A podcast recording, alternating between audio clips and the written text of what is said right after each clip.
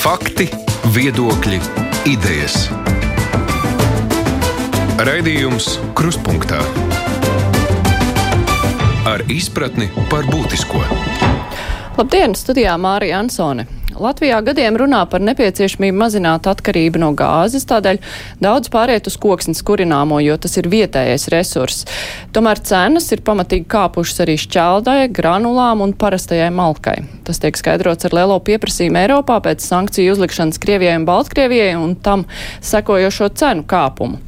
Vai mēs vispār spējam sevi nodrošināt ar koksnes kurināmo par iedzīvotājiem pieņemamām cenām, un vai valdības lēmums cirst, ļaut cirst jaunākus kokus kaut ko atrisinās? Par to diskusiju šodien raidījumā. Mūsu studijā ir zemkopības ministra biroja vadītājs Jānis Eglīts. Labdien! Labdien! No ekonomikas ministrijas ekonomikas ministra biroja vadītājs Artūrs Butāns. Labdien! Labdien.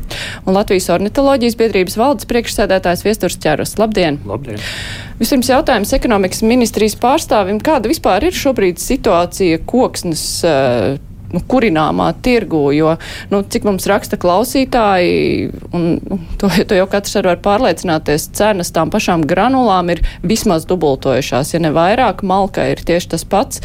Granulas eh, nevar jau arī tā uzreiz nopirkt. Eh, kas vispār notiek? Vai tas ir sekas ažiotāžai, vai mēs nu, nevaram apmierināt pieprasījumu ārpus mūsu tirgus vienlaikus ar savu tirgu? Jā, es uzskatu, ka tas ir komplekss jautājums tie. Uh, tie varianti, ko jūs ieskicējat, jau uzdodot jautājumu, uh, katrā no tiem ir, ir, ir daļa, uh, daļa taisnības, un, un, godīgi sakot, jau arī nu, šīs prognozes par to, par to liecināja, un arī publiski par to jau pirms kāda laika runājām. Un, droši vien arī tas šodienas galvenais temats, kas mums šī šodienas redzījuma tēma ir, ir cieši saistīta ar to pieejamību.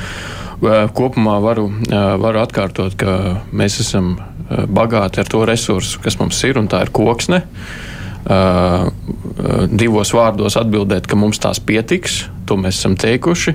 Uh, vienlaikus nu, mums jāskatās, kā mēs maksimāli spējam līdzsvarot uh, tātad, gan pieprasījumu, kas maina šobrīd šī kara ekonomika, pieprasījumu, kas auga eksportā, un, nu, un protams, mūsu dabu un to, kā mēs līdzsvarojam ekonomikas pieprasījumu ar, ar, ar, ar dabas, dabas aizsardzību. Nu, lūk, tie ir tie izaicinājumi, bet šobrīd, šobrīd koksnes pietiek, mums ir jāizdara vēl vairāki darbi.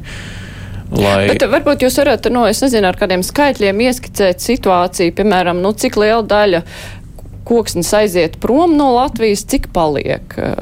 Nu, kāds ir pieprasījums, precīzāk sakot, kāds ir neapmierinātais pieprasījums? Nu, ministrijā droši vien jau kaut kā mēģina apkopot situāciju. Jā, li lielākais skaitlis droši vien, kurš, kurš mums jāņem vērā, līdz ko mēs runājam par, par apkūru un par šķeldu, ir, ir mūsu gāzes patēriņš. Jo, ja valsts, mēs esam pieņēmuši lēmumu iet prom no Krievijas gāzes, un tas ir apsveicams un drosmīgs lēmums, tad skaidrs, ka no tā ir jāizriet arī nākamajiem darbības soļiem. Un, Un, protams, ka kurināt ar šķeldu, ar Latvijas, um, Latvijas uh, dabas resursu ir pareizais virziens.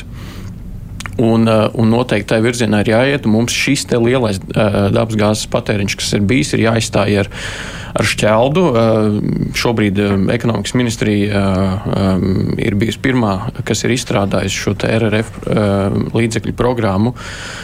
Un jau no augusta piedāvās arī uzņēmējiem pāriet tātad uz atjaunojumiem energoresursiem un iet prom no gāzes. Un kā ar šķeldas pieejamību? Tas jau ir tas galvenais mm -hmm. jautājums, jo tā, tie skaitļi, kas ir līdz šim publiski izskanējuši, ka 80% aiziet prom, jo Eiropā ir ļoti liels pieprasījums saistībā ar sankcijām pret Krieviju un Baltkrieviju. Tā situācija ir šobrīd ir tāda. Vai mums ir šeit deficīts vai, vai apsaimniekotāji gaida rindā uz to šķeldu? Nenoliedzami, ka, ka ir identificēts vairākas problēmas, un viena no tām ir jūsu minētā par to, ka liels apjoms tiek eksportēts, jo, protams, ka um, arī, arī citās valstīs aug pieprasījums. Uh, vienlaikus gribu norādīt, ka um, ir, es domāju, ka tirgus daļai sakārtos pats sevi, un, un vēl papildus ir jāied, jāiedod tirgumu dažādi mehānismi. Nu, piemēram, liela daļa no šķeldas, šķeldas izdevumiem nu, cenas veido tieši, tieši transports, degviela, kas aug, līdz ar to tā jau ir zinām priekšrocība vietējiem. Papildus tam. Es domāju, būtu jā, ekonomikas ministrija uzskata, ka būtu jāmeklē veidi, kā līdzsvarot eksporta pieprasījumu un mūsu Eh, ko jūs minējāt, iedzīvotāju satraukumu un nostādīt uh, līdzvērtīgās pozīcijās, vai pat es teiktu, vispirms spēt nodrošināt vietējo ekonomiku. Un, un tas nekādā gadījumā netraucē eksportam. Ja mēs, teiksim, atrodam un meklējam veidus, kā nodrošināt, ka šīs izsoles, teiksim, priekšrocības vispirms ir vietējām siltumapgādes uzņēmumiem, līdz ar to mēs nomierinam iedzīvotājs, kas pamatoti šobrīd ir satraukti. Mēs nodrošinām vietējo, un tad papildus varam strādāt ar tiem eksporta līgumiem, kādi šobrīd ir noslēgti. Zemkopības ministrija argumentēja, ka šis ierosinājums, un tagad jau pieņemtais, cirst jaunākus kokus, ka tas ir nepieciešams, lai atbalstītu valsti šīs energo krīzes laikā, bet nu, kamēr nav šie mehānismi, kā tas var atbalstīt valsti energo krīzes laikā, ja mēs redzam, ka šī koksne tāpat iet prom no Latvijas. Tad var visu Eiropu mēs tāpat nespēsim piekurināt. Jūs minējāt šo aiziešanu prom no Krievijas gāzes, un šis arī nu, notiek jau ilgāku gadu periodā.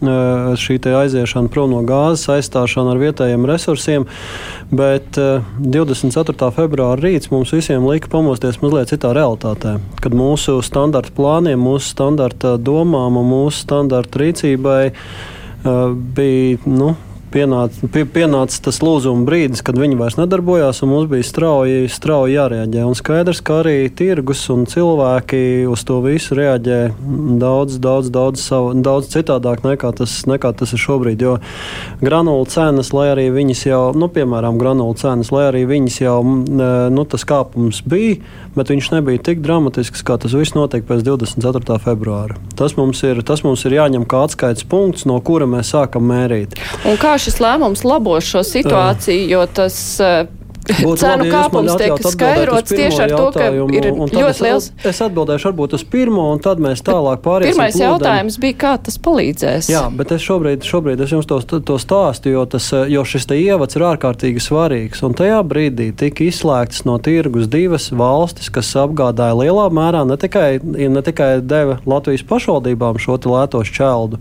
bet arī Eiropā. Un tajā brīdī, kad slēdzās ārā divi lieli spēlētāji, ir skaidrs, ka kopā kopējā tirgu radās iztrūkums, kuru uh, pēc tam risina ar cenas palīdzību, ar ko, nu, kādā veidā to iztrūkumu risina.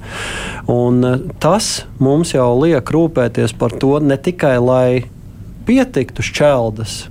Un pietiktu energo kurināmo, bet lai arī viņiem būtu, jūs pati minējāt pašā savā ievadrunā, ka pieejama cena.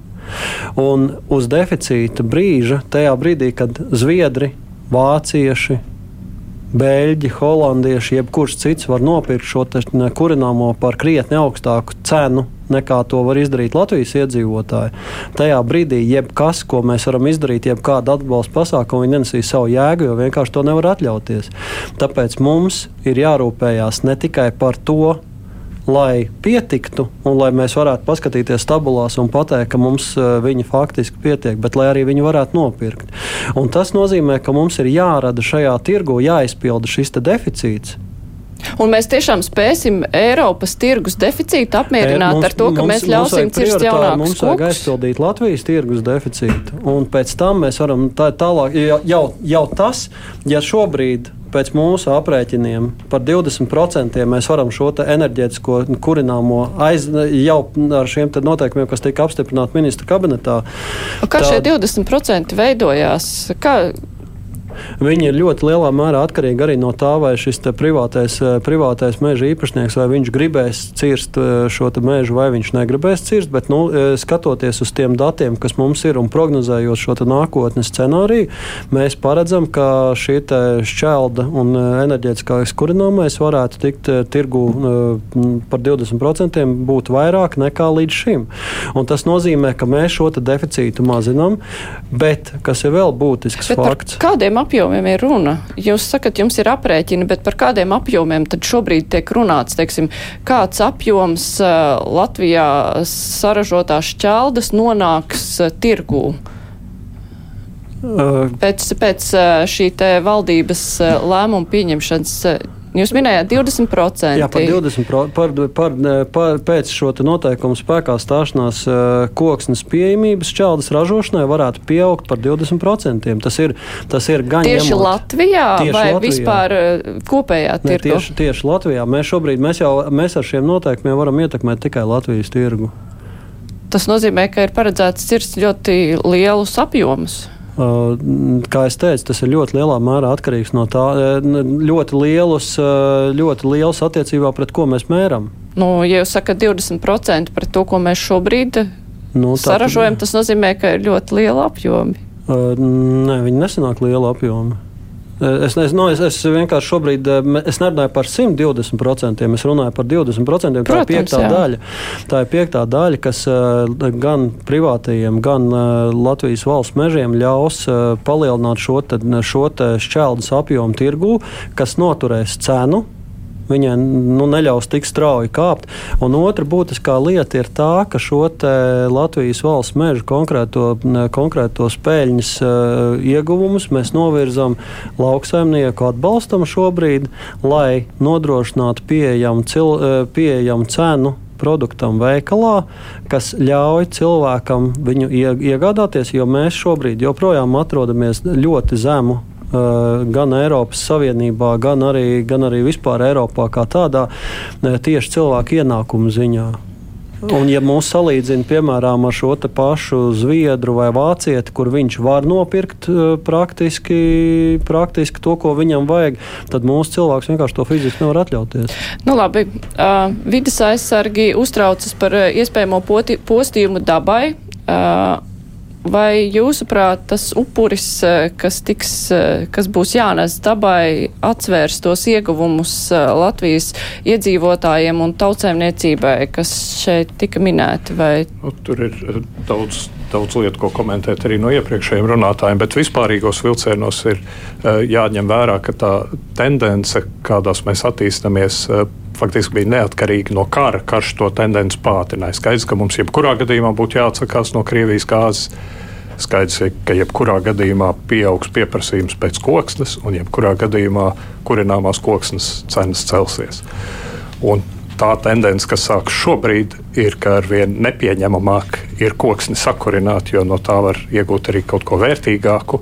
Eh, un, un līdz ar to arvien vairāk vajadzētu iet prom no koksnes kurināšanas. Bet, protams, eh, krīzes laikā mums īstenībā nekas cits neatliek, kā, eh, ja mums vajag straujas risinājumus, tad kurināt koksni. Bet jautājums, vai šis ir krīzes laika risinājums? Es teiktu, ka tie grozījumi ir ar ilglaicīgāku ietekmi uz dabu un vispār uz mežiem, ne tikai, ne tikai uz krīzes laiku. Bet runājot par šiem grozījumiem, uh, tas jūsu jautājums par to, vai tas upuris ir adekvāts, balstās uz, uz teiksim, trim būtiskiem pieņēmumiem. Viens ir, ka šķeldas trūkst, otrs ir, ka mums ir jāpalielina ciršanas apjomu, lai šo iztrūkumu nodrošinātu, un trešais ir, ka šie grozījumi ir labākais veids, kā šo ciršanas apjomu palielināt. Mēs skaitļus īsti nesaucam, es saprotu, bet skaidrs, ka šķeldas netrūkst šobrīd, kā jūs pati to norādījāt. Tad šķeldu mēs saražojam un, un enerģētisko, tas ir kurināmo koksni kopumā, mēs saražojam vairāk nekā patērējam. Tātad tas, ir, tas jau ir pirmo pieņēmumu atceļ. Otrais ir, ka mums obligāti jāpalielina ciršanas apjoms. Par to man nav skaitļi, par to man nav uh, aprēķinu, bet uh, nu, ir skaidrs, ka var iegūt šķeldu arī tīrot grāvjus, tīrot stīgas un tā tālāk. Tā tālāk. Es nezinu, vai rēķināts, kādas būtu iespējas iegūt vairāk šķeldas, nepalielinot ciršanas apjomu ja mēs pieņemam, ka ir jāpalielina ciršanas apjoms, tad vai šis ir īstais ceļš? Uh, jo es atgādinu, ka valsts mežos ciršanas apjoms uh, tiek noteikts piecgadai, kas nozīmē, ja mums ir krīzes situācija, nav problēma uz turpmāko piecgadus gadu rēķina pacelt ciršanas apjomu.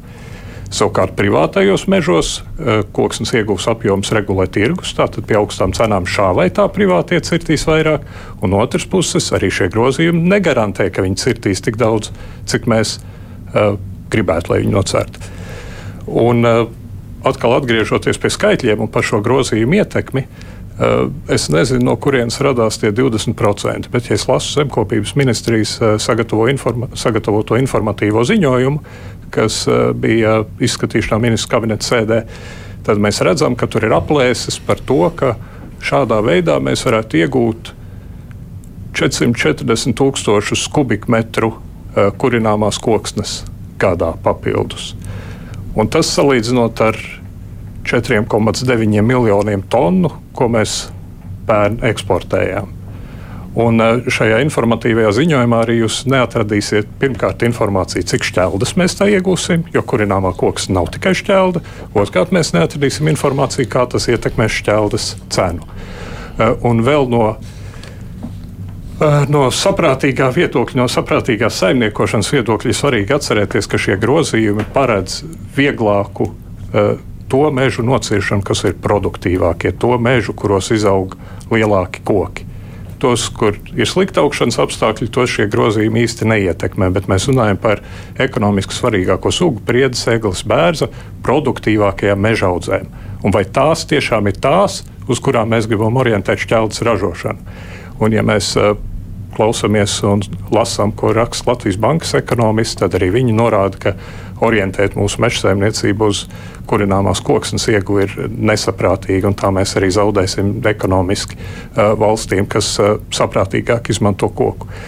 Bet runājot par dabu, kas droši vien ir tas, kāpēc es šeit sēžu, tad ir skaidrs, ka uh, vai nu šogad, vai nākamgad, vai tuvākajā piecgadē ciršanas apjomi augs uh, šo grozījumu rezultātā. Uh, kas nozīmē lielāku mežu fragmentāciju, kas nozīmē vairāk iznīcinātas aizsargājuma sugu dzīvotnes, kas nozīmē arī uh, vairāk cilvēku, kas būs neapmierināti par to, ka meži tiks izcirsti pie viņu mājām. Jo, diemžēl tas, ka cilvēks pie mājām varētu grib, gribēt saglabāt uh, mežu, nav arguments pat valsts meža apsaimniekotājiem.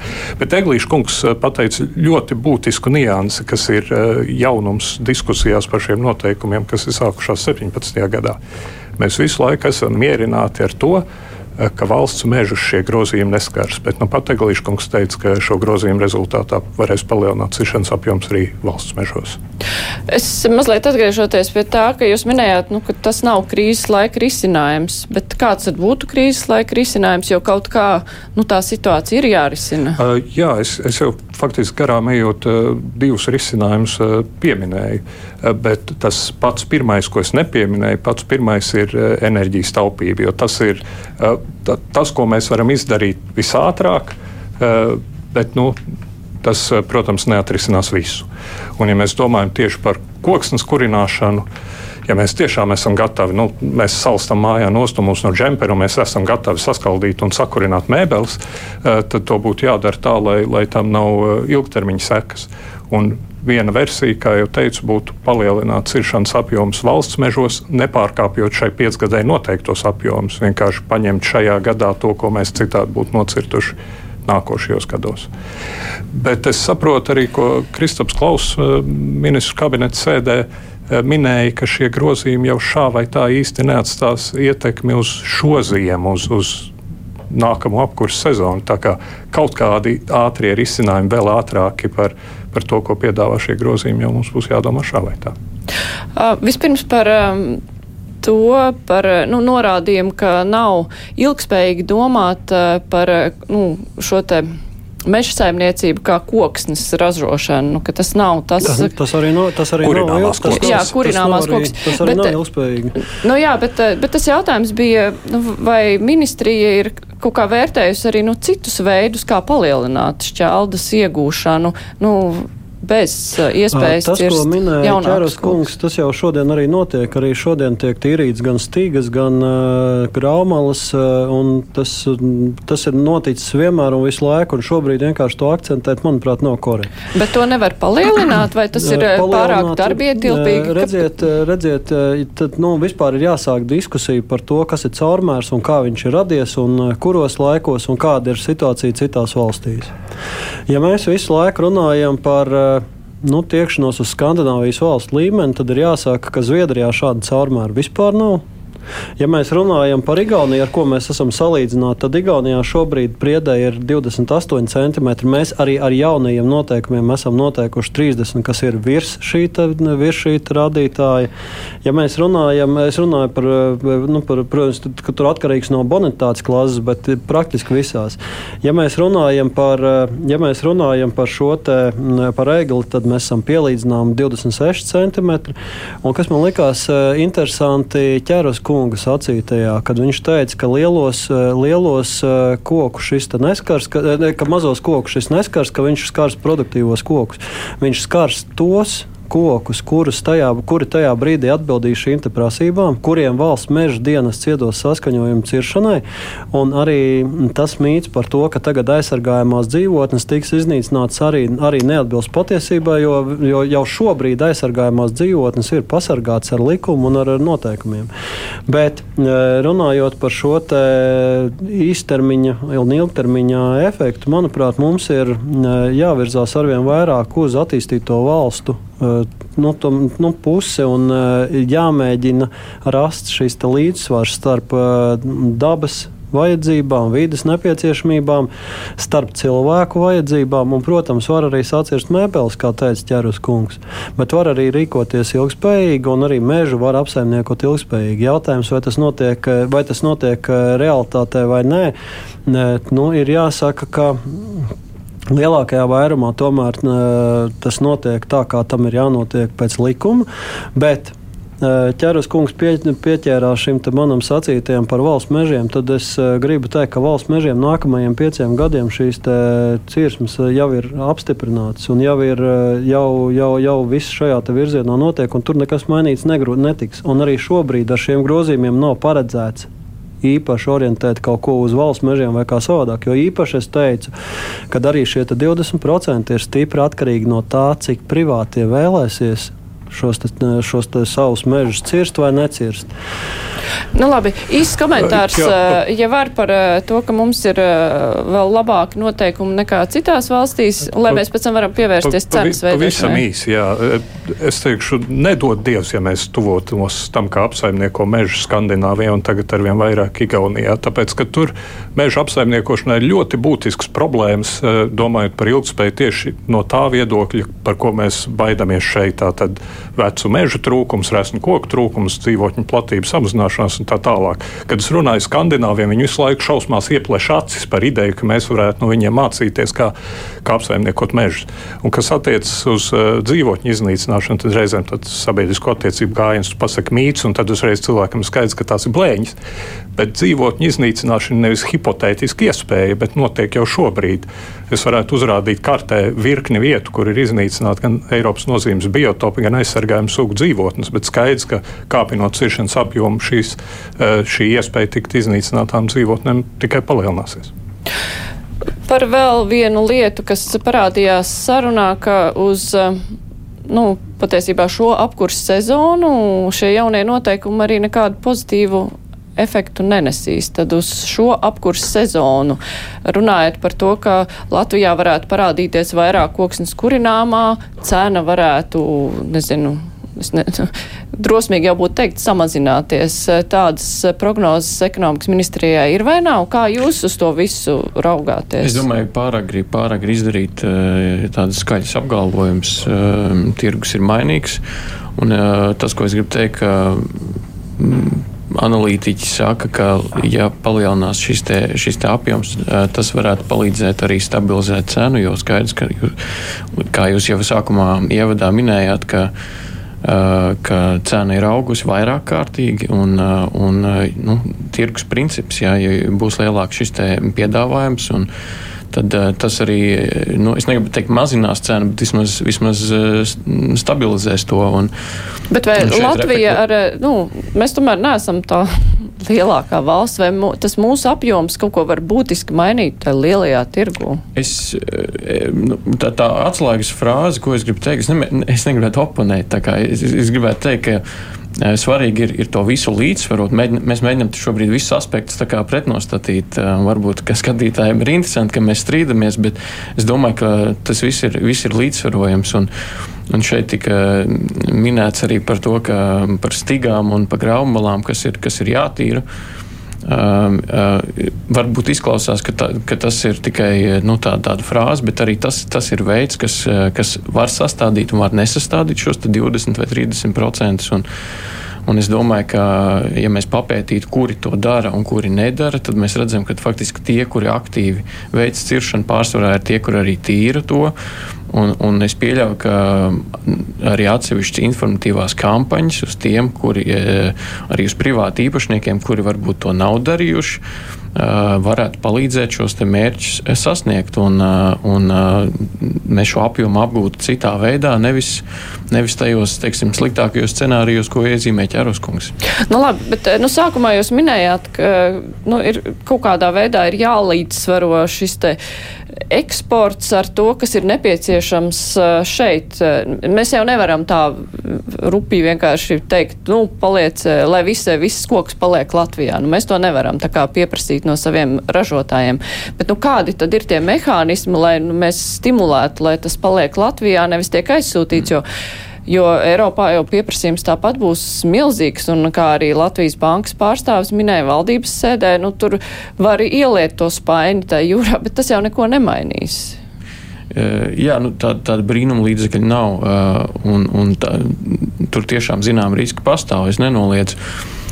Nu, tas, tas, ko varētu darīt un kurā virzienā būtu jādomā, jau sākumā ieskicēja, ka mums ir vietējais iedzīvotājs jānodrošina pirmais. Un skaidrs, ka eksports ir un būs ekonomikas ministrijas prioritāte un arī valsts prioritāte ir mūsu ienākumi bet tiem ir jāiet līdzsvarā ar tiem jautājumiem, ko saka ķēruskungs par dabas aizsardzību, un tiem ir jāiet līdzsvarā ar to, ka uh, pamatoti, man ir arī ministrijā, mums ir bijušas indikācijas no, no pašvaldībām, no siltumapgādes uzņēmumiem, mēs esam ar viņiem tikušies. Uh, par, par situāciju tirgu, un tur tiešām ir vajadzīgi risinājumi. Es, es teiktu, ka šis te veids, ka izsolēs noteiktu, ka vietējiem pakalpojumu sniedzējiem, kas nodrošina siltumapgādes, tad siltumapgādes pašvaldībās būtu būtu nu, vai priekšrocības, vai, vai nu, pir, tātad, iespēja iegādāties pirmajiem vai kādi citādi un pēc tam mēs pārējo eksportētu. Es domāju, ka tas varētu būt viens no, viens no tādiem līdzsvarotiem risinājumiem. Bet, nu, tas, viens, kas Latvija, tas, Latvijas iedzīvotājs uztrauc, ir tā cena visvairāk, jo arī ražotāji mierina, nu, ka pietiks jau tās ko, koksnes jautājums ir par kādu cenu. Nu, šobrīd valdība ir lēmusi, ka dos kompensācijas, lai gan arī ne visiem cilvēkiem, kuriem malku, ar malku apkurina, viņiem ar cenas ir ļoti cēlušās. Jā, tātad un... um, atbalsts, atbalsts, atbalsts būs. Tas tas ir viens. Eh, Bet tas ir malku, tas veids, kā. Malku mm. savukārt ir, ir sarežģītāk. Tiem, kas kurina ar malku, jā, tā, tur ir problemātika. Uh, jo lielā mērā arī nu, malkas uh, tirgus, sauksim to tā, liela daļa atrodas pelēkajā ekonomikā. Tur ir grūti viņu regulēt, bet jebkurā gadījumā labklājības ministrijas, bez... protams, un tāpēc labklājības ministrijas at, paredzētie atbalsti noteikti mājokļa pabalsti noteikti no, nu, palīdzēs. Jā, bet grupām. tas attiecas uz pavisam trūcīgiem cilvēkiem, bet ne tādiem nu, parastiem cilvēkiem, kur, piemēram, saņems granulām vai šķeldai ne, nu, atlaidi. Nu, tad savukārt tas vedina uz, uz kaut kādu helikopteru naudu. Skaidrs, ka veidojot tos, tos aprēķinus, domāju, labklājības ministrija ir skrupulozi vērtējusi. Arī mēs esam iedevuši visus savus datus no savas puses, un, un, un atbalsts no valsts puses tiks, tiks sniegts. Vienmēr varēs teikt, ka tas ir nepietiekoši, jo, kā jūs zinat, simtprocentīgs tas nebūs. Bet nu, tie ir arī mūsu uzņēmējiem maksātie nodokļi. Mēs nevaram atļauties maksāt simtprocentīgu atbalstu šobrīd. Nu jā, granulu lietotāji dabūs, malkas lietotāji lietotāji nedabūs. Bet, uh, labi, es atvainojos. Es, mm -hmm. es gribētu teikt, ka um, tas droši vien, kur kur, kas, kas būtu jāvērtē, um, iespējas, kā mēs šobrīd, kur mēs šobrīd eksportējam. Un, un, un ko mēs eksportējam. Ja? Jo šķelda nav vienīgais, un, teiksim, ja mēs eksportējam apaļkoku uz teiksim, teiksim, ārpus uh, Eiropas Savienības vai ārpus OECD valstīm, ja mēs rēķinām Angliju vēl iekšā, tas teiksim, ir, ir, ir vērtējums jautājums. Bet šobrīd runājot par koksni, tas, tas ir ļoti plašs jēdziens, un, un samest kopā teiksim, šķeldu ar apaļkoku tie, div, tie divi dažādi. No, stāsti. šeit arī tas nav jādara. Bet jā, arī kompensācijas mehānismi īsti nav mūsu izējas sarunas temats. Te vairāk ir satraukums, nu kā tad eh, tā cena tiks noturēta?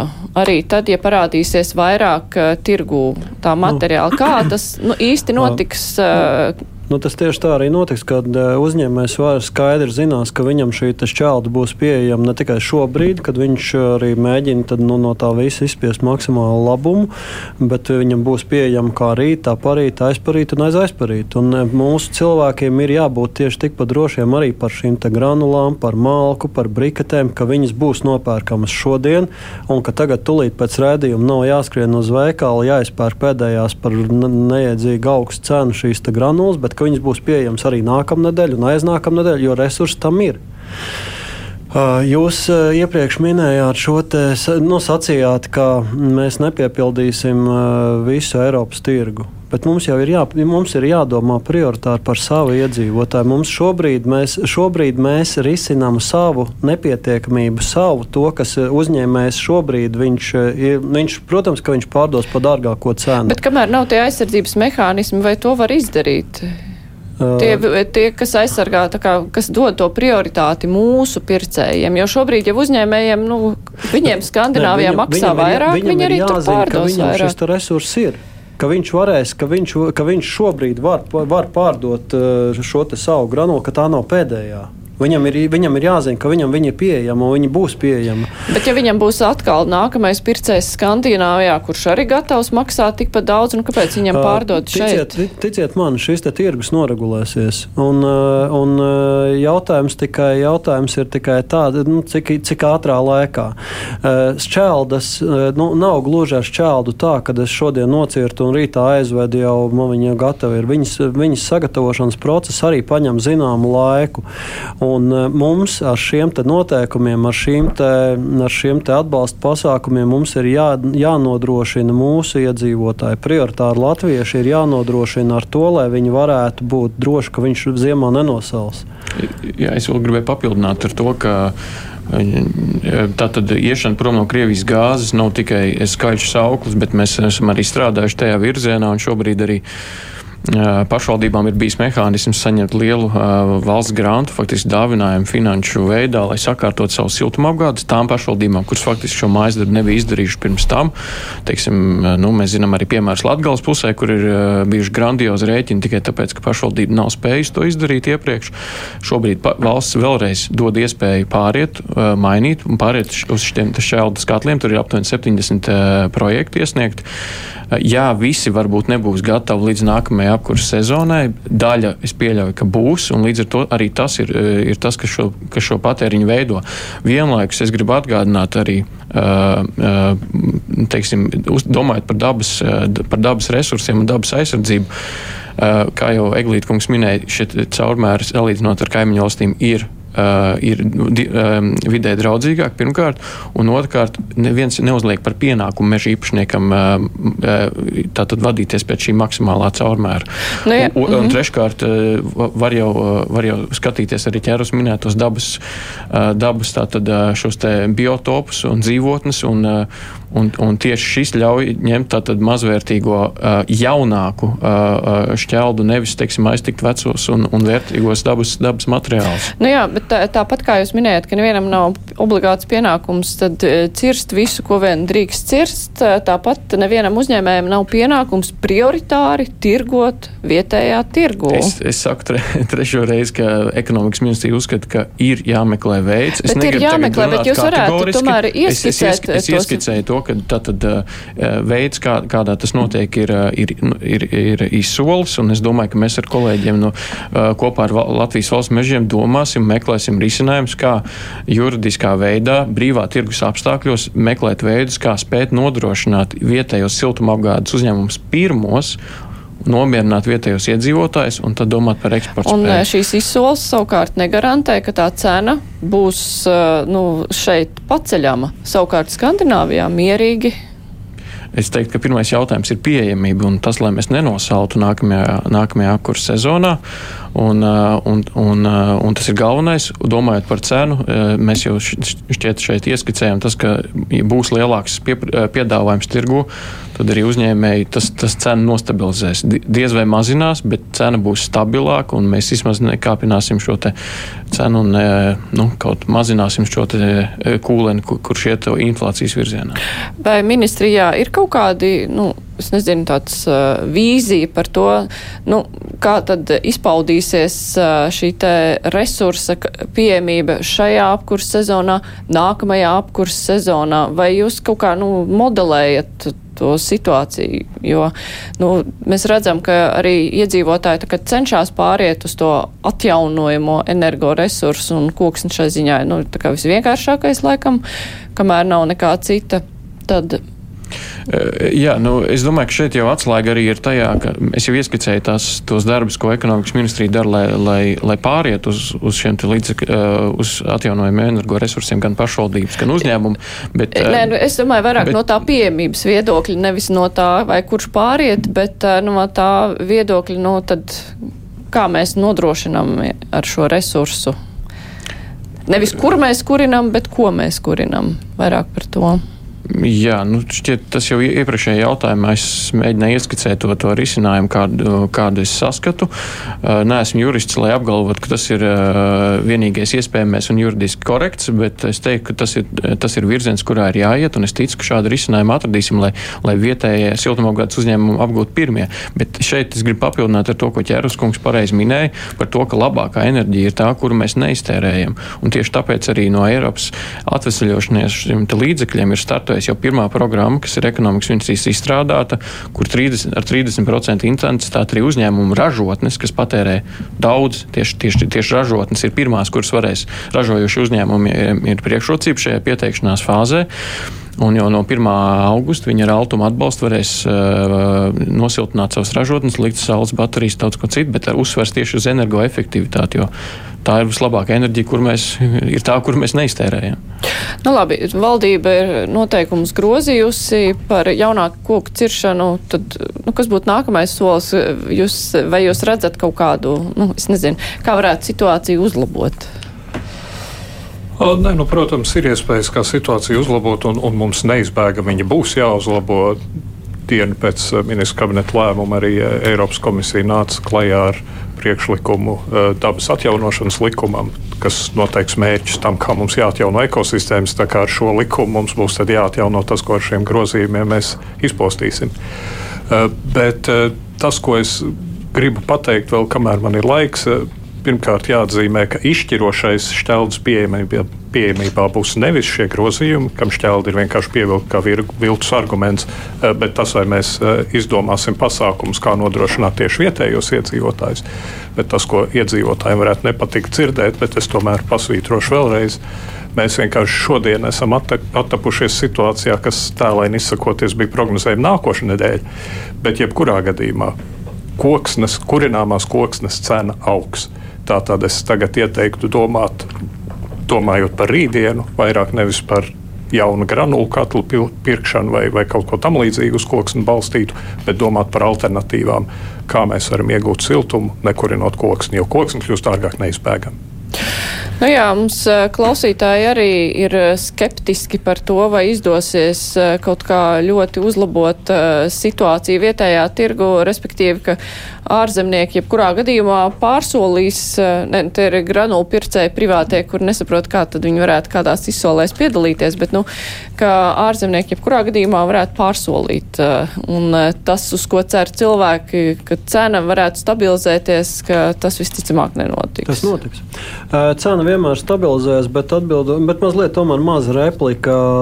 Man, pa, nu, man patīk, ka cilvēki, kur rūpējās par dabu, lieto ļoti skaļus tādus izteicienus, izpostīt, būs dārgāks. Nu, Mēs varam, Tādus biedēt, mēs varam biedēt, mēs varam biedēt sabiedrību. Mēs varam pieņemt a priori jau, ka ķerus kungs ir pārkāpis noteikumus, kas no, nu, varbūt jau šobrīd, šobrīd mēs varam izrakstīt administratīvo pārkāpumu aktu, jo nu, es varu, varu pieņemt, ka viņš izpostīs.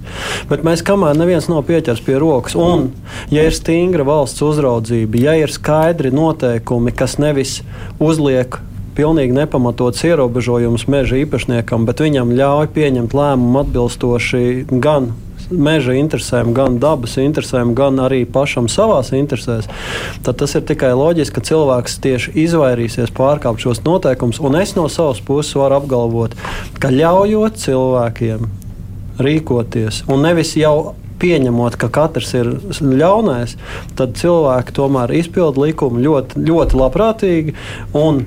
Es domāju, ka šie postījumi tieši mazināsies. Kas attiecās par cenu, kā jau minēju, tajā brīdī, kad mums ir deficīts, cena aug.